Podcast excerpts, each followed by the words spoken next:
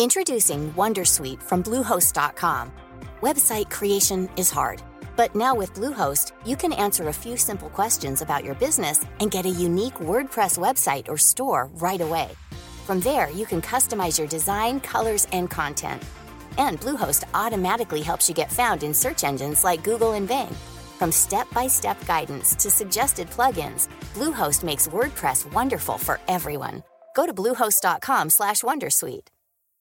Millions of people have lost weight with personalized plans from Noom, like Evan, who can't stand salads and still lost 50 pounds. Salads generally for most people are the easy button, right? For me, that wasn't an option. I never really was a salad guy. That's just not who I am. But Noom worked for me. Get your personalized plan today at Noom.com. Real Noom user compensated to provide their story. In four weeks, the typical Noom user can expect to lose one to two pounds per week. Individual results may vary.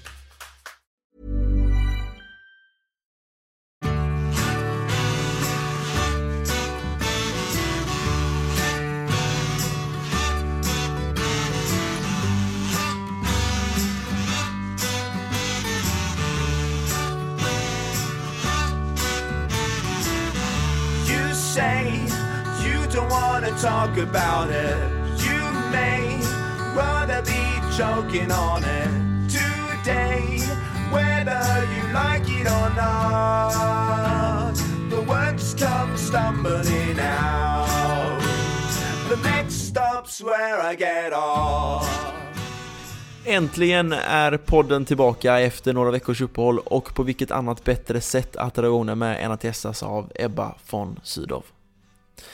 Ebba är ju i grunden journalist men har sedan avslutade studier sysslat med en rad olika saker, såsom varit musikredaktör för P3, chefsredaktör för såväl Expressens fredagsbilaga som Veckorevyn. Hon har skrivit böcker, varit programledare i kväll, arbetat med det kungliga bröllopet och bloggat en hel del. Vi kommer att prata om detta och mycket, mycket annat. Som jag nämnde i senaste avsnittet med Fredrik Wikingsson så är jag just nu i uppstarten av min C-uppsats i skolan som kommer att ta en hel del tid. Och detta innebär att jag nu under våren kommer att släppa avsnitten lite mer sporadiskt. Så för er som är intresserade av att veta när avsnitten kommer ut följ mig gärna på sociala medier Jo Alberg med ett ord på Instagram, Jo Alberg med två ord på Twitter eller gå in och gilla Facebook-sidan som heter Veckans Samtal. Nu tycker jag vi rullar avsnittet med Ebba von Sydow. The next stop's where I get off. Hur mår du Ebba? Ja men bra faktiskt. Eh, Bra. Jag kör igång vårsäsongen av eh, God kväll, så det är ganska mycket jobb med den just nu.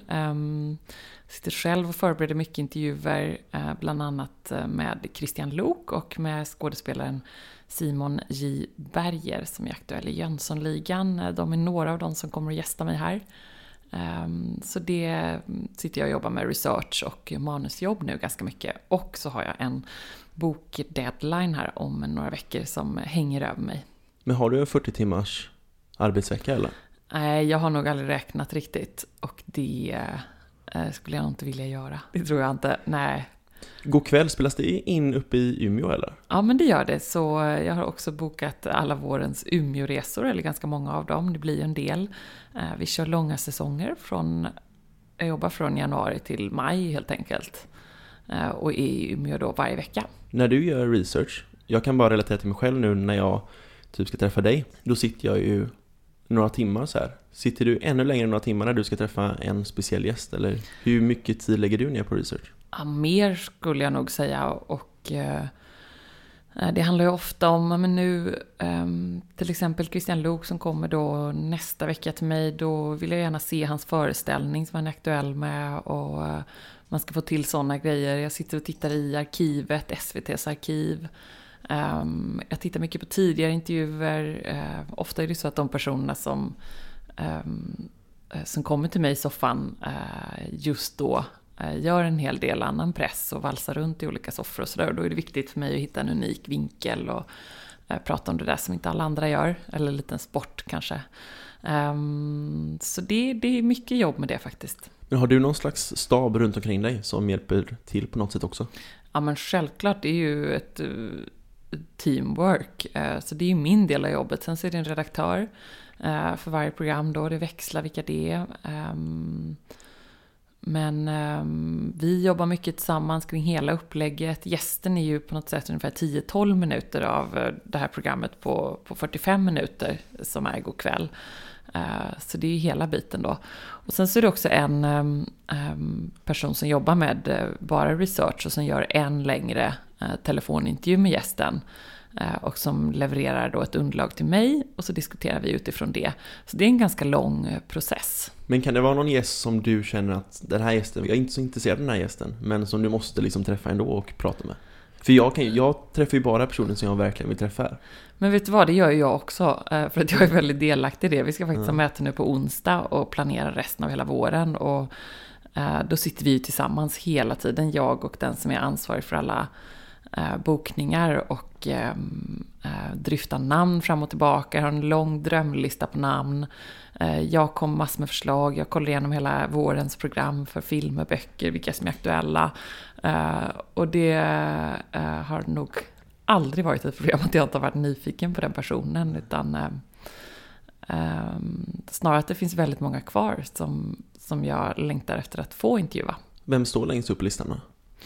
Ja, men det... Eh, faktiskt kan jag inte riktigt avslöja förstås, men eh, eh, men nu så ehm, eh, har vi en spännande vår framför oss. Vi hade också en grymt bra höst. Jag hade många samtal som, som jag var väldigt glad över. Och bara att ha liksom allt från Jan Guillou till Pia Sundhage och få Eh, göra ett längre samtal om dem i tv. Det är så unikt idag.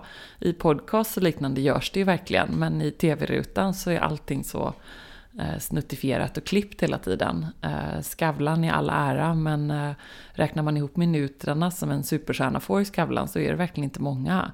Det är inte mycket som hinner sägas. Ehm, och det tycker jag är trist. Hur mycket tänker man på alltså det som syns i rutan? För att nu när du och jag sitter här, det enda vi kan Visst, vi kan prata hur mycket som helst om att vi ska hålla ögonkontakt för att eh, bonda på något sätt, men hur stor spelar liksom den rollen in i rutan? Den är jätteviktig och det är ju också någonting eh, som man jobbar med mycket, eller som jag jobbar med mycket och man måste hela tiden utvärdera sig själv och därmed tvinga sig själv att titta varje lördag eh, på resultatet. Vi har också igår kväll haft inne eh, diverse olika Eh, personer med liksom expertis på just teater och, eh, och den kontakten och eh, hur man kan jobba med den. Och, närvaron i rutan. Och ja, men det är viktigt och rätt svårt. Jag kan verkligen tänka mig det. Är det stor press när man sätter sig i en soffa och ska intervjua någon så? Ja, men nu vet jag att du till exempel, vi pratade om det här innan, du kan ju klippa i de här samtalen. Mm, uh, och det görs ju också i många tv-program, men det gör ju inte, inte vi uh, med det som jag jobbar med, utan det är helt oklippt rakt av då jobbar man inte med tv, jag vet inte om man ens tänker på det, men för, för oss som jobbar med det så är det en väldigt stor skillnad. Um, man kan inte få bort alla de där hummandena. Uh, man kan liksom inte spela in i 30 minuter och sen ta de 10 bästa eh, som görs i liksom Sommarpratarna och eh, eh, nästan alla typer av pratprogram som vi ser idag. Där är det liksom best of som levereras till tittarna. Eh, I kväll så är utmaningen att allt levereras till tittarna. Um, och kanske också så här, precis innan, ögonblicken innan. Vad är viktigt och vad känns rätt att göra? Är det rätt att sitta och äta lunch länge med gästen och prata innan? Uh, eller är det så att det eh, förstör eh, den där första gången-känslan? Och eh, att man plötsligt då gör, det gör att man kan inte ställa vissa frågor. Eh, och ibland är det precis tvärtom, att man måste sitta länge och prata innan. Um, ibland så undviker jag då gästen kanske i korridorerna i största möjliga mån för att jag vill inte uh, förstöra.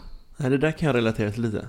Att man sitter innan man slår sig ner här och man byter några ord som man egentligen skulle vilja ha med i samtalet. Mm, ofta så har ju uh, har jag i, i soffan där väldigt professionella gäster såklart, så de kan liksom svara nästan exakt likadant, läskigt likt på en fråga som jag mm. precis ställde innan då. Mm. Men för mig, jag är inte så proffsig, jag kan liksom inte spela teater, så för mig är det ändå svårt mm. uh, att skapa en naturlig reaktion. Jag är usel skådis. Hur är det att arbeta på SVT? För jag hade, förra avsnittet av podden hade jag Fredrik Wikingsson med.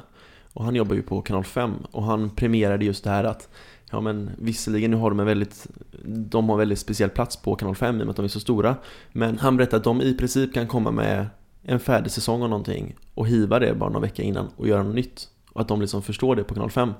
Jag kan tänka mig, det kanske det är fel, men jag kan tänka mig att SVT är lite mer strikta. Stämmer det? Ah, det, det, alltså det går inte riktigt att jämföra uh, ens.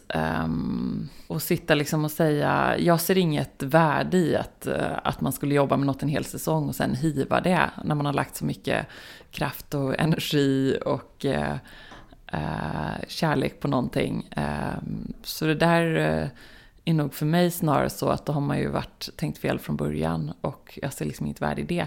Men um, mm, skillnaden är nog egentligen um, mest för mig att den typen av program jag jobbar med är liksom inte heller att man levererar en hel säsong, att den är färdig. Så jag kan inte riktigt relatera till det. The next stop's where I get off. Du, om du själv skulle få beskriva vem Ebba von Sydow är, hur skulle du beskriva dig själv då? Ja, men du får nog en ganska bra bild om du tittar dig runt här i rummet. Det är lite eh, mycket olika projekt på gång och eh, böcker som ligger överallt. Eh, en ställning med olika kläder. Ändå att jag försöker göra det lite... Här är ju egentligen ett gammalt cykelrum, kan man nästan ett gammalt förråd. Men att jag har försökt att piffa till det där med ja, blommor och eh, ljus och lite fina tyger och målat om i ljusblått och sådär. Mm. Eh, det kanske är, och väldigt mycket som du ser, så fina boxar och sådär. Det är jag helt besatt av där bakom dig till exempel. Just det, har du målat väggarna själv och så också eller? Nej, det var några killar som var här och hjälpte mig med det. Mm. Eh, tack och lov. Eh, det är inte min starka sida. Men ehm, så som svar på din fråga, vem är jag?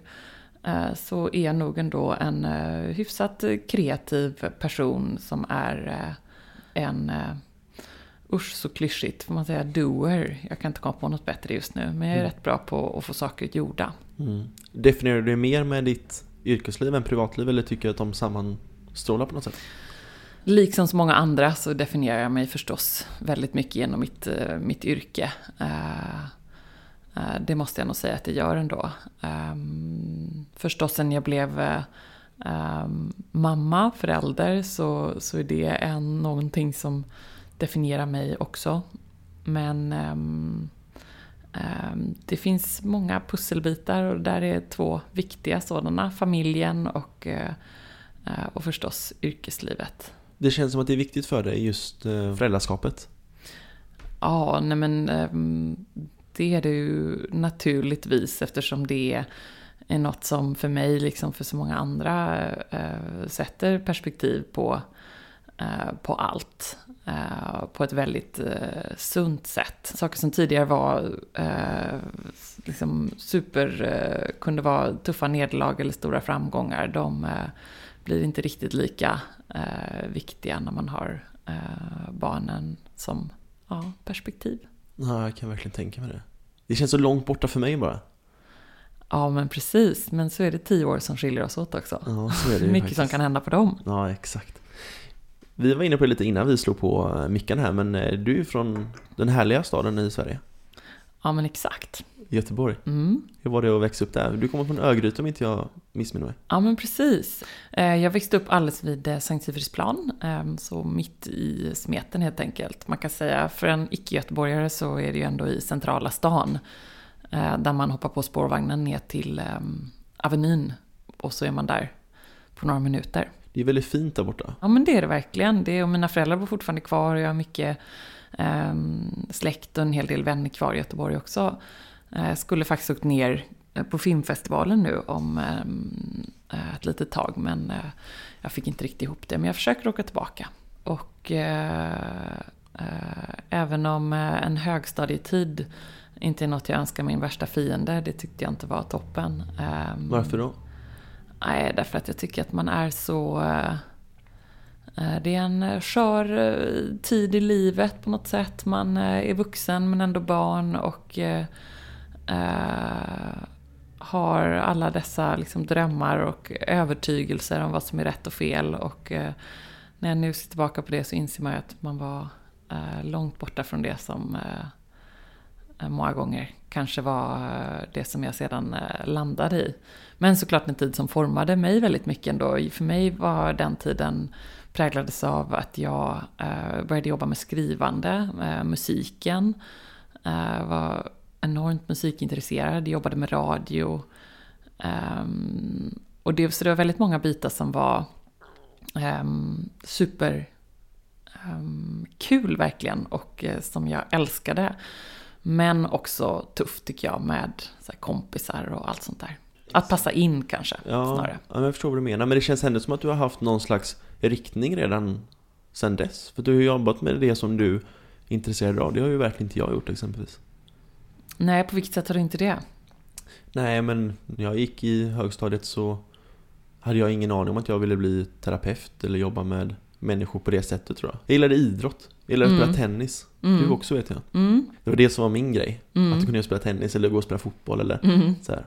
Men absolut inte det här. Nej. Eller att liksom träffa folk som man aldrig träffat innan. Vissa Nej. Och prata om ganska personliga saker. Det är ju ganska konstigt ändå. Ja, Eh, det har vi ju då gemensamt, för jag tycker det också är väldigt härligt. Ah, jag, absolut, men konstigt ändå. Ja, är det verkligen det? Jag tycker det är mer konstigt att inte vara nyfiken på att prata om personliga saker med andra människor. Nej, jag, jag, jag tänker snarare så här. Det är konstigt för mig. Om du och jag skulle träffas ute på stan, då skulle vi förmodligen inte sitta och prata om din uppväxt. Alltså det blir ganska personligt ganska snabbt. Mm. Och det är ju, konstigt kanske är fel ord att använda, men det är ju speciellt. Mm. The next stop's where I get off.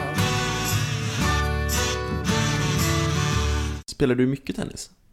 Ja, jag spelade ganska mycket tennis. Ehm, men tog väl egentligen upp det sen igen då. Jag spelade på GLTK i Göteborg och sen så tog jag upp det igen när jag flyttade till Stockholm.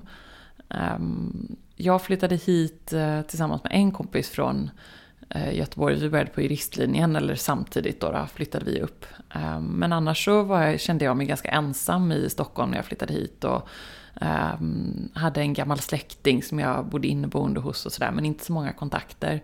Uh, min relation till Stockholm var att åka hit på novemberlovet uh, och någon gång med klassen i nian och gå på museum. Um, och jag hittade ingenstans och tyckte mm. det var läskigt att åka tunnelbana. Uh, tyckte att alla såg perfekta ut och hade blankt hår och uh, tajta jeans och var supersnygga och lite skrämmande.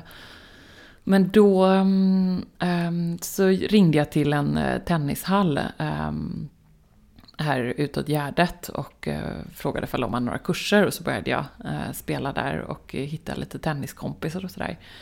och sen dess har jag spelat. Så, så det var väl dels att ta upp sporten men också att det var ett kul sammanhang. Men är du individualist på något sätt? Nej, det var nog därför jag slutade med tennisen faktiskt. För okay. att jag um, trivdes inte så bra med att stå där helt själv med hela ansvaret så ensam på banan. Tennis är en väldigt, det vet ju du också då, en sport där man verkligen är eh, aldrig bättre än eh, eh sin senaste match eller liksom dagsformen. Eh, det är ingen annan där ute, det är väldigt ensamt. Mm, ehm, så jag, nej, jag trivdes inte så bra med det. Eh, så jag är en grym dubbelspelare idag. Jag kommer ihåg att jag spelade en tennismatch på GLTK. Det är väldigt fina hallar här tycker jag. Ja, det var länge sedan jag spelade mm. nu, men det är det ju absolut. Det är grymt. Men jag... Stortorsk åkte jag på. Ja. Jättegrym kille. Ja. Men det hör inte till. När spelade du mycket och tävlade och sådär eller? Jag spelade väldigt mycket ett tag. Sen så åkte jag till Båstad och spelade lite. Ja, det är ganska proffsigt. Ja, jo, jo, men ja. Jag, jag var väldigt eh, seriös och det var, jag tyckte det var jättekul.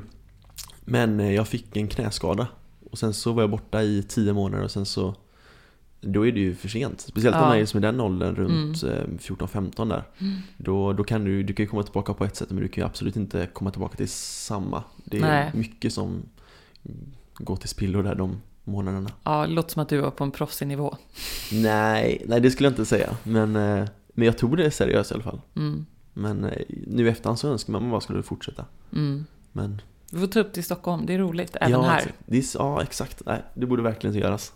Du gick på Samskolan i Göteborg. Ja, men precis. Hur var det? För den har ju, jag hade många vänner som gick där också.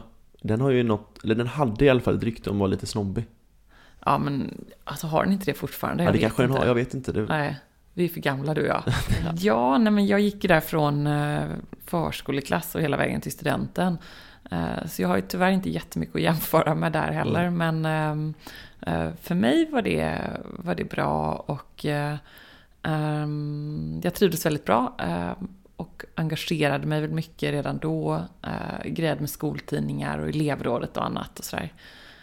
Men hade också ganska mycket vid sidan av skolan. Jag jobbade med studentradio och skrev för musiktidningar och liknande. Ehm, så skolan var Eh, mycket för mig, men inte allt. Det känns som att du växte upp ganska tidigt. Det känns som att du har hunnit med så extremt mycket och du är 33 va? Ja, men precis. Jag har ju eh, hunnit mycket, det måste man ju säga. Men eh, det är klart att jag väl också då har prioriterat bort saker eh, som andra har gjort eh, när jag har jobbat på. Eh, kanske åkt till Paris ett år och pluggat franska och backpackat i Asien och eh, rest runt och eh, eh, kanske inte funnits men i alla fall letat efter sig själva i Australien och sådär. Jag har inte gjort någonting sånt. Men du har bott i USA? Ja, då pluggade jag ju och jobbade samtidigt. Eh, frilansade för tidningar och nättidningar här hemma och eh, skrev för en lokaltidning där, jobbade med radio samtidigt som jag pluggade. Ehm, så jag har väl lärt mig genom åren att jag fungerar allra bäst när jag har Eh, mycket att göra, gärna flera grejer samtidigt. Det blir mest gjort då. Bodde du i Boston eller? Ja men precis, jag läste på eh, college där i ett år och eh, jobbade då lite grann också. Skulle du kunna tänka dig att flytta tillbaka någon gång? Ja men ett stort skäl till att jag valde att dra till USA det var också att min syster ehm, som är tre år äldre hade rest dit efter studenten och läste på college där. Hon träffade sen sin man där och blivit kvar där så Um, därmed har jag en stark relation till eh, Boston då där de bodde länge och eh, även New York och nu bor de i Philadelphia. Um, så jag var där senast för några veckor sedan och hoppas åka dit snart igen och hälsa på. Jag skulle vilja bo i Los Angeles någon Ja, jag försöker tjata lite min syrra ibland, men uh, hon är helt uh, oförstående inför detta. Hon har blivit en inbiten uh, Philly-bo helt enkelt. Mm. Vad tror du att det har gjort med dig, att du har bott där? Och jag tror att eh, eh, jobbmässigt så är det en stor trygghet att ha språket eh, så nära till hands. Jag vill inte på något sätt säga att jag är eh, liksom flytande, men jag är trygg med amerikanskan och det har många gånger varit en tillgång, bara som nu senast när jag jobbade med Nobelpriset och annat. Ehm, och sen så har det nog också ändå gett mig ett eh, ehm, amerikanskt eh, perspektiv eh, i vissa fall på mitt, eh, ehm, ja, men på mitt egenföretagande och sådär. Jag har varit över på en del konferenser, nu senast i våras på en eh, Executive Women's Conference, där väldigt amerikanskt. Men jag kan gilla det där eh, självförtroendet eh, som eh, många amerikaner har för att vara en sån som generaliserar supermycket nu då. Men eh, det där eh, gillar jag. Och ibland kan jag tänka så här, nej nu måste jag tänka lite amerikanskt här. Ehm, så. Tycker du att vi är för mesiga i Sverige? Nej, det tycker jag inte. Men jag tycker att för mig så passar det att ibland ehm, ta med mig en dos av det där i ett viktigt möte eller en förhandling eller liknande. Våga ösa på lite eh, vräka på så som amerikaner gör. Mm. Hur gammal var du när du bodde i Boston? Eh, det var efter studenten. Det var efter studenten? Mm. Okej. Okay. Och flyttade du till Stockholm efter du kom hem därifrån? Eller? Mm, sen läste jag lite medie och kommunikationsvetenskap på universitetet i Göteborg. Och sen flyttade jag till Stockholm för att börja på juristlinjen. Du har pluggat väldigt mycket känns det som. Nej, men jag läste ju ganska kort. Uh, juristlinjen hoppade jag ju av. Varför då? Um, därför att då fick jag vikariat på Expressen. Uh, jag jobbade samtidigt som jag pluggade juridik på Sveriges Radio P3 uh, som musikläggare. Och frilansade också från Expressen och skrev för dem. och sen så erbjöd de mig ett vikariat och då kände jag att det kunde jag liksom inte tacka nej till. så jag har hunnit plugga en del men jag skulle gärna plugga mer. och hoppas väl kanske hinna med det om det lugnar sig lite eh, framöver. Hur långt hann du på juristlinjen? Um, jag läste väl uff, kanske två terminer eller någonting. Mm. Jag kommer inte ihåg exakt.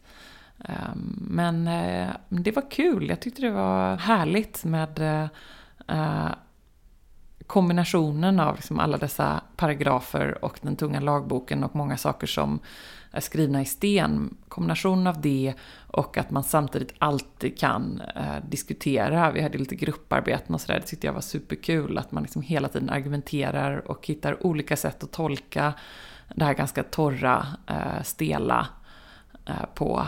Eh, det är spännande med juridiken. Eh, och idag så jobbar jag mycket med avtal och förhandlingar och liknande. Eh, och jag har en nytta ändå av det eh, som jag lärde mig där och skulle gärna läsa mer av det. Kan du hoppa på om du skulle vilja igen? Eller har det gått för lång tid nu? Och det vet jag inte. Eh, men skulle jag plugga någonting nu direkt så skulle jag nog inte hoppa på juristlinjen utan snarare kanske läsa ehm, um, litteraturvetenskap skulle vara kul. Um, någonting som har med språk uh, att göra. Um, någonting åt det hållet. Genus. Um, ja, något åt det hållet. Men juristlinjen, det var på Stockholms universitet? På Stockholms universitet, precis. Ja, intressant. Jag har en vän som jag pratade om innan här. Men han har pluggat juridik i Uppsala. Men han flyttade till Stockholm nu och han är på upprop på SU på juristlinjen nu. Mm. Så han har kommit in då, fast han är ah, okay. på upprop. Så det var ju kul. Ja, men vad roligt. Ja. The next stop's where I get off. Du jobbar alltså som musikredaktör på P3? Eh, musikläggare, ja musikredaktör. Vad gör man som musikläggare? Eller eh, väljer man ut vilken musik som, som ska spelas eller? Ja men precis. Okej. Okay. Så det är ju världens roligaste jobb. Ja, det måste ju vara helt fantastiskt. Ja, det är jättekul. Men har du alltid haft det här musikintresset? Ja, men det har jag växt upp med och eh, ja, alltid haft. Men hur väljer man då? För att ibland när jag sitter och lyssnar på radio då kan jag känna så här, nej, alltså det här är, det är helt värdelöst det man lyssnar på ibland. Emellanåt. Eller så går det bara inte ihop med det man själv tycker är härligt. Men hur väljer man ut låtar? Väljer man bara det som man själv tycker är härligt att lyssna på? Eller väljer man det som man tror att alla andra vill lyssna på? men så som jag jobbade så var det ju med P3 då, då var det olika program, alltså folkradion eller ett program som handlade mer om samhälle eller eh, samtal, människor. Man måste liksom anpassa musiken lite beroende på eh, vad det är för typ av ehm, eh, innehåll förstås. Eh, och sedan då eh, eftersom det är Sveriges Radio Public Service är det också viktigt med eh, mixen och eh, vi hade möten varje vecka, eller två gånger i veckan tror jag till och med det var, där vi då gick igenom olika spellistor och hur mycket eh, olika låtar ska rotera, A, B och C-listor och liknande. Ehm, så det var liksom lite ett pussel helt enkelt. Och en dos eget tyckande och kreativitet. Eh, men det var jättekul. Idag så ser det ju inte riktigt likadant ut med, med Spotify och så som musiklandskapet har förändrats. Men, um, um, men jag lyssnar gärna på P3 fortfarande när jag sitter i bil eller liknande. Finns det ett sånt SR-arkiv eller något liknande? Ja, men det fanns det i källaren där, där man kunde gå runt och rota ja, bland så. skivor. Ja, det var precis så som man föreställer sig. Väldigt roligt. Så man kunde gå ner och så bara kika ja. på massa, typ, inte vinyler, men typ CD-skivor? Ja, absolut. Okej, och så kunde man plocka fram någon och bara, vad är det här? Och så slänger man på den och så lyssnar man på det? Ja, men helt klart. Det låter ju jätte-old school verkligen. Mm. Tror du det är så fortfarande? Nej, det hoppas jag verkligen inte Nej. Men det kanske i och för sig, det kanske finns ett värde i det. Um, att det finns kvar lite grann. Men uh, för min egen del så har jag i alla fall skrotat uh, mina CD-skivor. Du kör Spotify istället? Ja, det gör jag. Men också att se till att liksom, såklart att jag har sparat några eh, grejer som, eh, som var något speciellt sådär. Men ja, annars så inser jag att det är inte CD-skivorna som jag kommer slänga in. Liksom. Du jobbade på Expressen och sen så blev du, blev du, blev du chefredaktör för bilagan Fredag eller? Mm. Var det så det började? Nej, utan jag började då som frilansare och knegade på där och skrev massor med recensioner och reste runt över hela Sverige och skrev konsertrecensioner. Och sen eh, skivrecensioner och artiklar och um, uh, som, en, som en frilansare. Och sen så fick jag ett vikariat och så blev det uh, en tjänst ledig då som ansvarig för fredagsbilagan. Um, och då började jag jobba med det. Hur kom det sig att du fick den då? ja, men därför att jag sökte den förstås. Um, och den blev ledig och eh, så eh, som en vilken jobbansökan som helst egentligen presentera eh, mina idéer för hur vi skulle göra och varför jag var rätt kvinna för jobbet. Vad var idéerna då? Men idéerna var att vinkla fredagsbilagan mer mot eh, mode, shopping, eh, livsstil. Eh, då den tidigare hade varit inriktad liksom, tungt på musik och krog och ganska grabbig attityd. Eh, och det fanns förstås också en vision eh, från andra håll, att, från ledning och liknande, att göra någonting annat av den. Och då passade det väl med mina tankar också. Hur gick det rent försäljningsmässigt för den? Ja, men det gick bra. Det var väldigt roligt och väldigt kul tid så, för att vi var ju alltid ett race mot Aftonbladets eh, klickbilaga eh, som då hette Puls. Ehm, vem hade de på omslaget? Eh, hur kunde man sälja As a person with a very deep voice, I'm hired all the time for advertising campaigns. But a deep voice doesn't sell B2B, and advertising on the wrong platform doesn't sell B2B either. That's why, if you're a B2B marketer, you should use LinkedIn ads. LinkedIn has the targeting capabilities to help you reach the world's largest professional audience. That's right, over 70 million decision makers all in one place. All the big wigs, then medium wigs, also small wigs who are on the path to becoming big wigs. Okay, that's enough about wigs. LinkedIn ads allows you to focus on getting your B2B message to the right people. So, does that mean you should use ads on LinkedIn instead of hiring me, the man with the deepest voice in the world? Yes. Yes, it does. Get started today and see why LinkedIn is the place to be to be. We'll even give you a $100 credit on your next campaign. Go to linkedin.com slash results to claim your credit. That's linkedin.com slash results. Terms and conditions apply. Introducing Wondersuite from Bluehost.com. Website creation is hard, but now with Bluehost, you can answer a few simple questions about your business and get a unique WordPress website or store right away. From there, you can customize your design, colors, and content. And Bluehost automatically helps you get found in search engines like Google and Bing. From step-by-step guidance to suggested plugins, Bluehost makes WordPress wonderful for everyone. Go to bluehost.com/wondersuite. Hi, I'm Kara Berry, host of Everyone's Business But Mine, and I am an all-inclusive addict. Enter Club Med, the best all-inclusive for you and your family. With resorts worldwide, from their family flagship resort, Club Med Punta Cana, to their only mountain resort in Canada, Club Med Quebec, they have everything you need to relax with their 20 plus sports activities, wellness programs. You can dine on delicious cuisine and make memories with your family. So book your next getaway with Club Med. Visit clubmed.us or call 1 800 Club Med or your travel advisor. Lite bättre än förra veckan och hela tiden experimentera. eh, testa nya omslag. Det var en väldigt snabb eh, tidningsmakande eh, och liknade väl egentligen mer liksom det, den typen av journalistik man idag gör på nätet. För att det var hela tiden att utvärdera, förbättra, eh, tänka om, tänka nytt. Vad var det som sålde mycket då?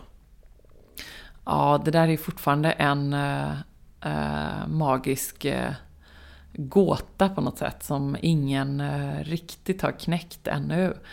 Um, och man kunde väl alltid se um, trender, men jag menar rätt vad det var så kastas allting omkull igen. Um, vare sig, ja, ska det vara en tjej eller kille, blondin, brunett, ska man dra på, um, på det ena eller det andra. Alltså det var hela tiden uh, så många saker som spelade in tror jag och det var därför det var roligt också. Att det finns ingen enkel lösning. Hur gammal var du när du fick detta jobbet? Um, men när jag jobbade med det var jag nog ungefär som du nu då tror jag. Det är ju ungt, alltså jag, skulle, jag skulle nog inte känna mig redo för något sånt stort ansvar. Tror du inte det? Nej, verkligen inte. Ja, jag tror du skulle kunna jobba med något sånt. Nej, men, ja, men det, det känns som ett väldigt stort ansvar. Ja. Och att man liksom blir på något sätt ansiktet för vad tidningen producerar. Mm. Så att om det skulle gå åt helvete så skulle det du som fick skiten. Mm, och Eller? vad är det värsta som kan hända då, tänkte jag då. Mm. Ja, det är väl så man bör tänka då. Ja. Och det är ju att du får kicken då. Det är inte så farligt många gånger, utan att då får man ju se till att göra om och göra rätt. Och, um, att tro att men så går det till i amerikanska filmer, liksom, att du får kicken för att det går dåligt plötsligt. Det är ju ett uh, arbete hela tiden. Mm. Uh, och det insåg jag väl i och för sig då att just lära mig att tänka, vad är det värsta som kan hända? Ja, men det är att vi får göra det bättre nästa vecka. Eh, och vi kör på här och jag gör så gott jag kan. Och någonting gör jag rätt, för att det går också ganska bra. Ehm, men kanske var det det lite amerikanskt självförtroende också som jag hade med mig från att ha pluggat i Boston. Ehm, att jag faktiskt vågade anta den utmaningen och sen också då på Veckorevyn som jag tog över som chefredaktör efter fredagsbilagan. Ehm, att även där faktiskt eh, våga eh, anta utmaningen när jag dessutom fick frågan. För lite så tror jag att jag tänkte redan då och tänker än idag att om de nu frågar mig eh, så vill de ju uppenbarligen ha eh, min kompetens och liksom det, den jag är till detta och då eh, får de det. Och då var du 24 när de... Mm, när jag jobbade med Veckorevyn, precis. Hur var det då? Till skillnad från fredagsbilagan? Kanske att jag ändå tyckte att det var roligare att jobba med fredagsbilagan därför att det var en eh, bredare och mer blandad målgrupp. Veckorevyn var ju väldigt nischad mot unga tjejer, 16 till 25 ungefär. Eh, Sveriges då största tjejtidning. Eh, så brett förvisso, men ändå en målgrupp som var mer eh, nischad. Eh, jag har alltid trivts bättre med ett bredare tilltal. Eh, som exempelvis nu med Go'kväll och de program jag gör för SVT. Det är också ett brett tilltal och det tycker jag är roligt. På vilket sätt skulle du utveckla Veckorevyn? det handlade ganska mycket om att ta över och ehm, förvalta Eh, det som var och också att eh, stoppa ett eh, skenande tåg som Veckorevyn var, liksom väldigt många andra, nästan alla andra tjejtidningar då. Och som jag fortsatte sen dess. Att de minskade väldigt, inte väldigt mycket kanske, men liksom långsamt, men hela tiden minskade i försäljning och, och räckvidd. Mm. Och också inflytande. Veckorevyn har ju alltid varit en genom tiderna en liksom opinionsbildare och eh, en viktig röst i debatten som har varit kaxig och vågat liksom stå upp för unga kvinnor men kanske på ett lite, ja, ibland har det hamnat lite snett sådär men eh, men att förvalta det och ta det in i bloggeran och så. Eh, men det är, det är en tuff utmaning som är, kvarstår än idag. Du startade även Blog Awards ju. Mm. Jag har plockat sedan eh, ja, tio år tillbaka. Och eh, eh, det är något jag är väldigt stolt över faktiskt. Och det är roligt att det faktiskt finns kvar och att det blev många som eh, apade efter och gjorde samma sak. Eh, det är sånt där man själv kan vara lite nördigt eh, glad över. I, sitta i sitt kontor och fnissa lite åt att det är roligt att det kom så många efter och fortfarande gör. Ja, Men min vision med det och min idé var just att skapa en arena för eh, och ett forum för bloggare ehm, där vi kunde prata om eh, eh, allt från ehm, hur man blir bättre på att förhandla, få bra betalt eller åtminstone rätt pengar för sitt arbete, bli tagen på allvar och att också nätverka sinsemellan, för det är en ganska ensam bransch där. Många är sin egen lilla ö där med sin blogg och så ses man inte så mycket. Eh, och det var ju väldigt, väldigt uppskattat. Men var du en av de första som började blogga? Ja, men jag var tidig liksom? med det, mm. absolut. Mm.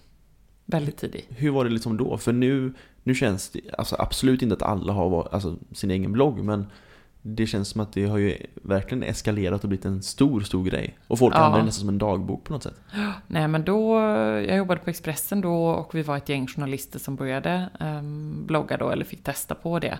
Uh, och jag har alltid uh, tyckt att det varit viktigt och roligt att uh, experimentera med nya kanaler. Eh, samma sak med, med Twitter, eh, Instagram och liknande, bild och textflöden. Eh, och för att också kunna... Eh, ja, men det är kreativa kanaler på något sätt. Och det, det tycker jag är roligt. Det ligger i linje med det jag gör. Och bloggen var precis också så. Ett snabbt skrivande där man snabbt kunde få eh, respons från läsare. Det är klart att jag ville testa det. Hur mycket hat är det när man har en så stor blogg? Ja, men det är ganska mycket. Det är så? Um, ja. Och efter tio år så har det varit enormt mycket förstås. Om man skulle räkna ihop alla hemska kommentarer och eh, Eh, allt näthat eh, som jag har råkat ut för. Eh, oj oj, det vill man inte ens tänka på. Men alltså påverkar det inte för att Det blir en stor soptunna för det. Ja, ja men exakt. Men jag kan ju bara, nu visserligen väldigt, väldigt litet jämfört med vad du har varit med om, men om någon skriver någonting, inte taskigt, men någon liten gliring bara, angående Ja. podden. Jag tar ju åt mig, även fast man säger kanske att ja, men jag bryr mig inte vad andra tycker, men det gör, alltså, Nej, fast jag tror att det är bra. Jag tror att den dagen du börjar säga att du inte bryr dig, då vet jag inte om du gör ett lika bra jobb längre. Nej, för- Eh, för att det är viktigt. Jag tycker samma sak gäller eh, eh, mig som för dig där. Att det, det är en tillgång och man ska vara stolt över att man faktiskt tar åt sig och är en människa som har känselspröten ute på det sättet. mm, jag menar mer liksom att, att liksom kunna ta kritiken på ett konstruktivt sätt på något sätt.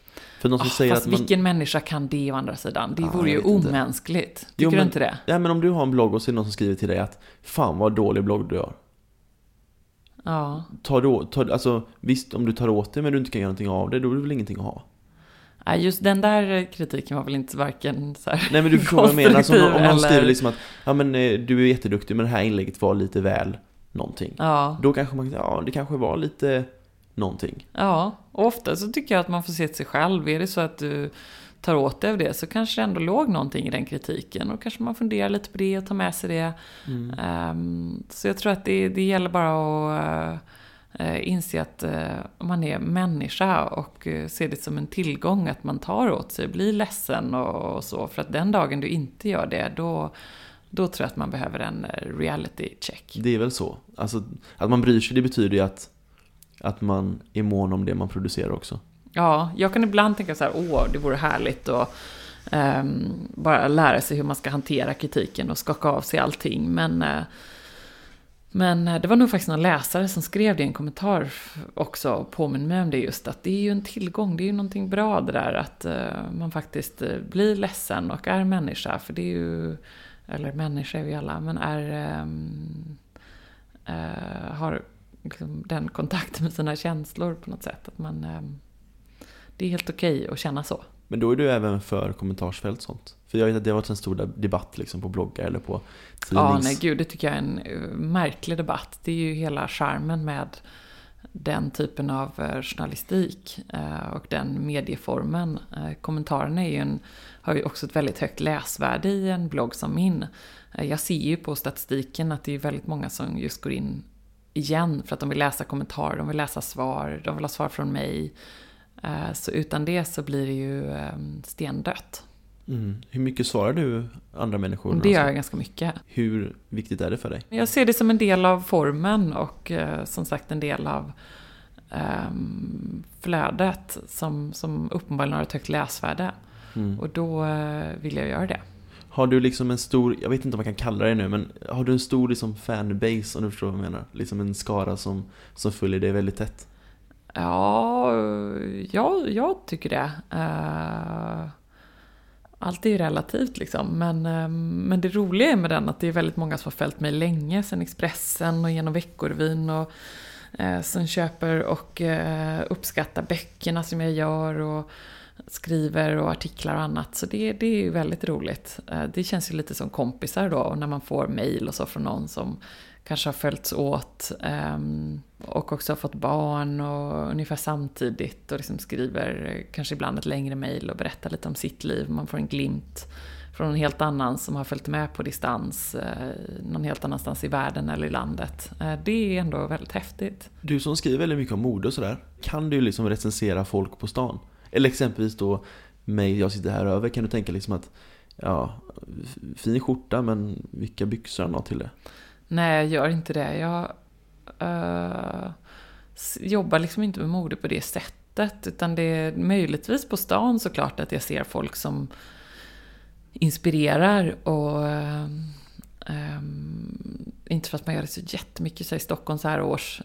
Om jag ska vara ärlig, det är liksom mest tjocka jackor och vinterkappor och alla är helt gömda. Men nej, jag har aldrig riktigt känt att jag går in i ett rum och recenserar folk i huvudet så. Det, Eh, det är inte det jag ser till riktigt. Jag är mer intresserad av Um, nu är det galasäsong med röda mattor. Um, den typen av uh, trender och uh, uh, klänningar och kläder som ligger massvis med timmar och uh, handarbete bakom. Det tycker jag är spännande. Jag tycker också det är spännande med stil. En svensk stil, har vi en sådan? Hur klär vi oss i det här landet och varför? Och eh, den typen av strömningar, eh, det tycker jag är roligt. Och också förstås, vad säger kläder om oss själva? Och, Uh, ja, det vore spännande. Vad tycker du att det säger då? grotta ner sig ännu mer. Ja, men det är just det där som man alltid funderar över. Uh, om det är någon som utmärker sig mycket. Det kan jag i och för sig tänka på på en fest eller liknande. Hur tänkte hon och varför valde hon att klä sig så? Och, uh, varför valde han att sticka ut så mycket? Och det kan jag bli nyfiken på och vilja prata mer om med folk. Tycker du att man kan ha en tråkig klädstil? Jag tänker nog sällan på tråkiga. Jag tänker snarare på folk som sticker ut eller som inspirerar. På vilket sätt då? då? Ja, just att de vågar då kanske bryta eh, klädkoder eller eh, gå utanför mallen för hur man ska göra eh, i olika sammanhang. Som när jag jobbade på Nobelfesten till exempel så såg jag där en kvinna eh, mot slutet av kvällen runt borden som hade liksom något helt annat på sig än alla andra. Någon röd fjäderboa eller något liknande och en helt makalös klänning. Eh, hon försvann i vimlet men henne hade jag gärna velat fråga hur hon tänkte. Ah, okay. Eh, Satt du upp och kollade på Golden Globes? Ja, jag var faktiskt vaken till typ en kvart innan det började och sen så somnade jag i soffan. Eh, så jag gjorde istället en eh, recension i bloggen dagen efter. The next stop's where I get off. Du var inne på det, men 2010 så började du på SVT va? Mm, just det. Var det då du började med Kungliga bröllopet?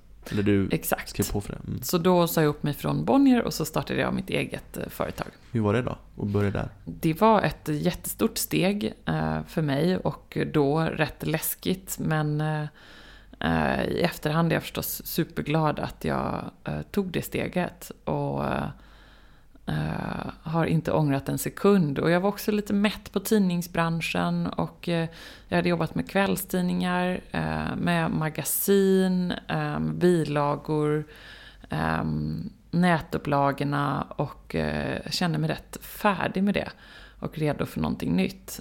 Och då kom ett erbjudande om eh, tv-jobb som ett brev på posten. Hur hårda tyglar har man när man arbetar med ett kungligt bröllop? Så jag har också jobbat med exempelvis en OS-invigning i London. Ja. Ehm, och det skiljer sig inte jättemycket eh, faktiskt i samband med Nobelfest och, och den typen av stora eh, sändningar eh, som är lägerelds-tv som samlar folket. Det, det är rätt likt alltså, Eh, på det sättet att det är eh, förstås supernoga att allting är eh, in i minsta detalj välförberett, korrekt och en stor lyx är också att det är alltid så grymt duktiga personer som jobbar på alla fronter. Från bildproducent till Ehm, projektledare, redaktör, skripta, ehm, rekvisita, scenografi. Alla är liksom bäst i klassen verkligen. Eh, och för mig som kom in i tv då för första gången så var det ju såklart eh, ehm, en ynnest att få eh, komma in i ett projekt där det var bara fantastiska, mm, fantastiskt duktiga personer på alla poster. Och därmed väldigt lärorikt. Men om man ser till din fråga om hur hårda tyglar det är så, så var det egentligen aldrig något som, eh, som var eh, som man pratade om på det sättet, att vad man inte fick göra. Eh, För det är så jag tolkar det om du säger tyglar. Ja, lite, ja, jag tänkte Eh, så. alltså restriktioner, utan det var snarare hela tiden eh, en diskussion om hur vi gör det så bra som möjligt eh, och ser till den stora publik vi, vi trodde att vi skulle nå också gjorde. Eh, för det är just att liksom, man måste ge eh, de som ehm, eh, älskar den här typen av sändningar och som eh, förbehållslöst tycker att eh, kungafamiljen eh, är fantastisk. Och sen så ska man också tillfredsställa de som är eh, nyfiket intresserade, eh, de som eh, kanske inte tycker att eh, monarkin är toppen men som ändå tittar, eh, för att det är ändå det statsskick vi har. Eh, det gäller liksom att göra det balanserat och eh, riktigt eh, grymt jäkla bra. Vet du vad tittarsiffrorna var då? Alltså jag minns inte nu. Men det var väl... eh, Ehm, på det kungliga bröllopet, när vi pratar om det, så var det ah, över två miljoner. Men jag, jag kan inte svära på det. Nej. Kommer det några som helst önskemål från kungafamiljen? På vilket sätt saker och ting ska hanteras?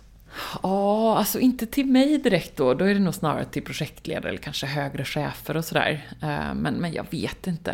Eh, men det är klart att när det är ett kungligt bröllop så är det ju ändå deras bröllop som, som ska tv-sändas.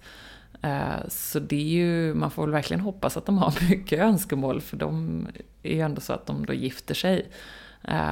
Och som alla brudpar så vill man ju styra över det en hel del själv. Ehm, och vi tv-sänder ju på något sätt. Det är inte så att som SVT att man arrangerar ett bröllop, utan det gör ju kungafamiljen och hovet. Eh, Sen så är vi de som tv-sänder. Har du träffat kungafamiljen någon gång? Eh, Jag har ju inte gjort några intervjuer med dem. Eh, Som Året med kungafamiljen och sådana program, det har inte jag jobbat med ännu. Det skulle vara väldigt roligt. Mm, så att du kollade på det häromdagen. Du kollade på det? Ja, vad tyckte du då? Alltså jag kollade delar av det. Men det är ju intressant. Speciellt med liksom Vad är det du tycker är intressant? att det, det känns som att allting är regisserat. Mm. Tycker jag. Och det kanske blir så när man är så bevakad hela, hela tiden. Men jag, Mm. Vad skulle du ställa för typ av frågor då? Nej, men det är nog inte, snarare inte vad jag ska ställa för frågor. Jag tänkte mer på när de var, de var på, heter det Soliden eller? Mm. Eh, När de var där och liksom eh, jag, jag tycker liksom, jag vet inte. De det känns- promenerar där fram och tillbaka i parken. Ja, men lite så. Det känns som att de är så medvetna om allting hela tiden. Och det är de ju också. Mm. Och eh, även när eh, Sofia heter hon va? Mm. Eh, när hon satt och pratade att det känns verkligen som att hon liksom Hon har blivit tyglad till att säga vissa saker nu Mm. på något sätt. Och visst, det kanske är så det måste vara men det känns som ändå lite tråkigt tycker jag. Mm. Vad tyckte du själv? Mm, nej men jag, Ehm, utöver att jag gärna hade jobbat med det själv då eh, och att jag också känner eh, Sara som, eh, som gjorde programmet, som jag har jobbat med också tillsammans med.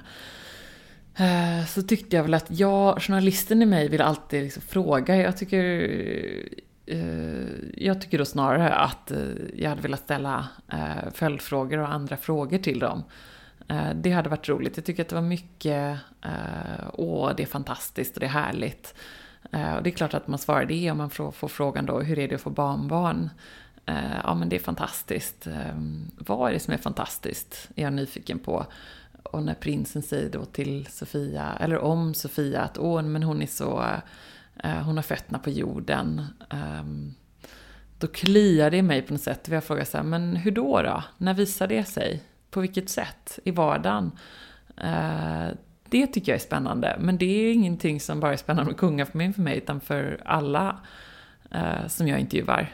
eh, Och alla människor som jag träffar. Eh, Men det är ju också därför jag jobbar med det jag gör såklart. Att jag tycker alltid att man vill fråga lite mer. Eh, Och just komma bortom de här, eh, det är fantastiskt. Ehm, På vilket sätt? Hur då? Mm, exakt. Det är alltid väldigt bra frågor. Vad tycker du om personer som är emot monarkin? Alltså jag är själv är väl varken liksom för eller emot, utan jag tycker att det är spännande som fenomen att bevaka.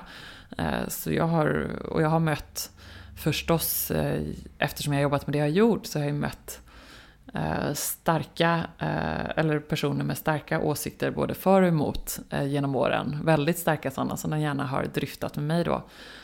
Och jag har respekt för, för allas åsikter om det måste jag säga och full förståelse.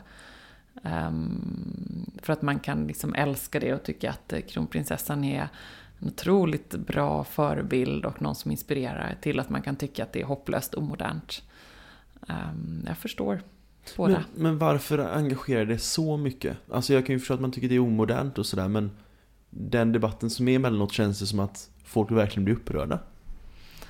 Ja, men det är det som gör att det är så roligt att jobba med det journalistiskt, att det väcker så mycket känslor.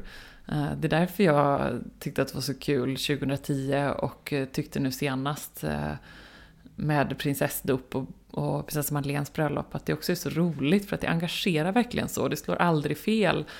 Ehm, på vilken middag eller vilken fest eller vilket sammanhang du än sitter så är det alltid så att folk har åsikter om det och då är det roligt eh, att jobba med det journalistiskt. Med saker som engagerar. Jag tycker det var väldigt intressant Eller lite nytänkande Exempelvis när Prins var med i Helenius hörna Mm. Att det går mot den utvecklingen att eh, vår prins ska sitta i en fredagskvällssoffa, om man Mm. säger så. Ja, kronprinsessan har ju varit med i Exakt. Sen kväll med Luke hos Christian Luke, så helt Just nytt det. är det väl i och för sig inte. Nej, det kanske inte i och för sig. Men Nej, det är klart Hon att, ehm, där, ja. det. Mm, de behöver också press, de behöver också synas och vara relevanta. Eh, och det var uppenbarligen ett uh, briljant sätt att göra det på för väldigt många tittade och eh, det var eh, väldigt mycket positiva reaktioner. Men tycker du att de ska vara tillgängliga? Ja, men som eh, journalist och eh, med uppdrag för SVT så eh, vore det ju idiotiskt att säga någonting annat. Och förstås så tycker jag att det vore väldigt roligt om vi fick göra eh, intervjuer av den typen oftare. Eh, och som jag sagt här tidigare, men jag tycker det finns många eh, frågor jag vill ställa och också om deras arbete. Ehm, jag tycker eh, lätt att det skulle kunna göras en dokumentärserie på några halvtimmar om hur de faktiskt arbetar under året. Eh, för det, eh, det vore spännande och det är många som skulle tycka det var kul att se. Mm. Jag skulle vilja se lite mer, lite så kanske som du är inne på, lite mer djupgrävande när det kommer till kungafamiljen. Mm. Men när man sammanfattar ett helt år för en hel familj eh, på en timme så blir det såklart svårt. Mm, jo, absolut. Jo, så är det. Men det är som sitta i ja, men, en timme går kväll med kungen. Mm. Det skulle vara... Mm, det vore härligt. Han får Härligt. gärna komma. Han kan få sitta och prata lite fritt. Det skulle, väl, det skulle jag uppskatta. Mm. Du Ebba, är det någonting som du skulle vilja göra mer av? Ehm, jag skulle vilja skriva fler böcker och jag har tid till det. Ehm, kanske också säga nu för att jag har en sån hemsk deadline som bara hänger över mig. eh, Som jag inte riktigt vet hur jag ska få till. Men ehm, det hoppas jag blir mer av den saken. Mer skrivtid. Eh, och sen så eh, har jag tv-drömmar fortfarande. Och utmanar mig själv ännu mer i att eh, göra bättre intervjuer i rutan. Det är ett sånt nyårslöfte jag har nu för 2015 att nu ska det banne mig bli ännu bättre intervjuer. Tittat lite på Jimmy Fallon här senaste tiden och andra strålande talkshow-hosts som just vågar gå utanför mallen om det förväntade och det är härligt. Vem tycker du är den bästa i Sverige? Ehm, den bästa i Sverige? Ja, jag måste faktiskt då eh, vara lite amerikansk och säga att eh, de bästa intervjuerna görs faktiskt igår kväll. Mm. Ehm, det är ingen som slår oss på fingrarna vad gäller eh, bra samtal, bra tv-sända samtal. Du var inne lite på det, men du har skrivit tre böcker. Mm, ja, är det inte fler? Den här, två de kokböckerna, och så gravidboken, det, och så kokböcker. stilboken, och så kungliga boken. Nej, men det är nog fem faktiskt. Är det två kokböcker? Ja, Okej, de har och inte... fler blir det. Ja, det är så. Mm. Hur mycket jobb är det att skriva böcker? Ja, men det är ungefär eh, årslångt projekt. Eh, ett år, ett och ett halvt ungefär. Eh, från ax till limpa med en bok. Det är ändå rätt mycket ju. Ja, så då kan du tänka dig hur det är nu när jag har två veckor kvar till skarp deadline. Exakt. Och här sitter vi och pratar. Ja, men detta hade vi ju bokat sedan länge. Mm. Men ehm, nej, det är um, svettigt i ett sånt här läge. Det måste jag erkänna. Ja, men jag kan verkligen tänka Men är det liksom kreativt? Alltså stimulerar du dig på något sätt? Med ja, det, är- det är det verkligen. Eh, Och också bloggen, för att bara återvända till den, att den är ju verkligen ett sätt att eh, tvinga mig själv att hela tiden skriva. Eh, Och det är bra också. Något annat som är bra för kreativiteten är att det är lite kallt. Känner du det här att det är det nu? Mm. I mitt lilla kontor här. Jag läste att det ska vara bra. Är det så? Ja, men, För att det ska vara kreativt? nej, men kanske mer att man inte ska somna. Jag vet inte. Ja, då kör jag kaffe istället. Ja. Är det någonting som vi inte har pratat om som du trodde att jag ville prata med dig om? Eller som du vill prata om? Nej, det är ju alltid spännande så här att bli intervjuad för att jag hela tiden intervjuar andra. Eh, Så jag lämnar eh, eh, detta i dina trygga händer att utvärdera så att vi har pratat om allting. Men eh, det är svårt att bli intervjuad och jag trivs ännu bättre med att intervjua själv. Ja. Men, Det är det härligare när jag ställer frågorna tycker jag. Då har jag kontroll. ja, men recenserar du exempelvis vissa frågor som jag ställer? För jag, helt ärligt, min nyfikenhet gör ju att jag frågar frågorna jag ställer. Men kan du recensera mina frågor i huvudet? Liksom att varför ställer han det så? Varför ställer han inte så här? Liksom bara lite snabbt så här. Um, ja, eh, det gör jag förstås hela tiden. Eh, så, men Mm, eller de gånger jag blir intervjuad så tänker jag ju då, skadad som jag är i mitt yrke, att eh, vad tänker han då gå vidare med det här resonemanget och hur får vi detta till ett bra samtal och varför ska detta bli roligt att lyssna på? Mm. Eh, så så är det ju. Det är en yrkesskada. Men som recension av eh, detta då och knyta ihop det, också viktigt att knyta ihop det, eller hur? Ja.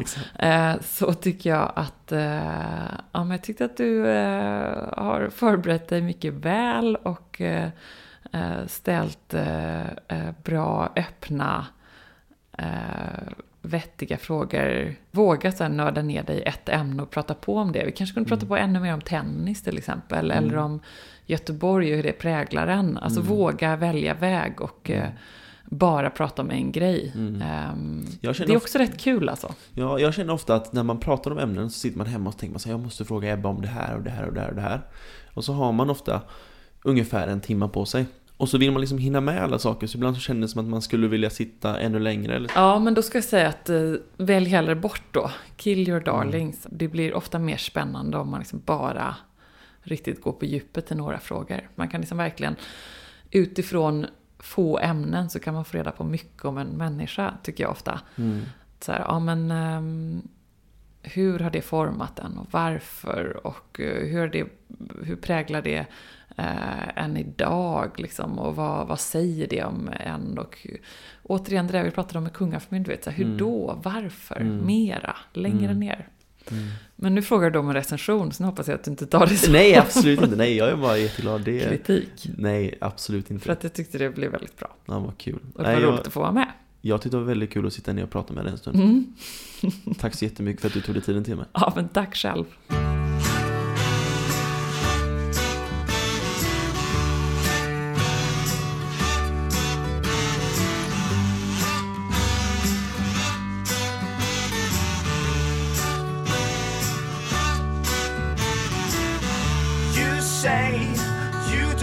Talk about it. You may rather be choking on it today, whether you like it or not. The words come stumbling out. The next stop's where I get off.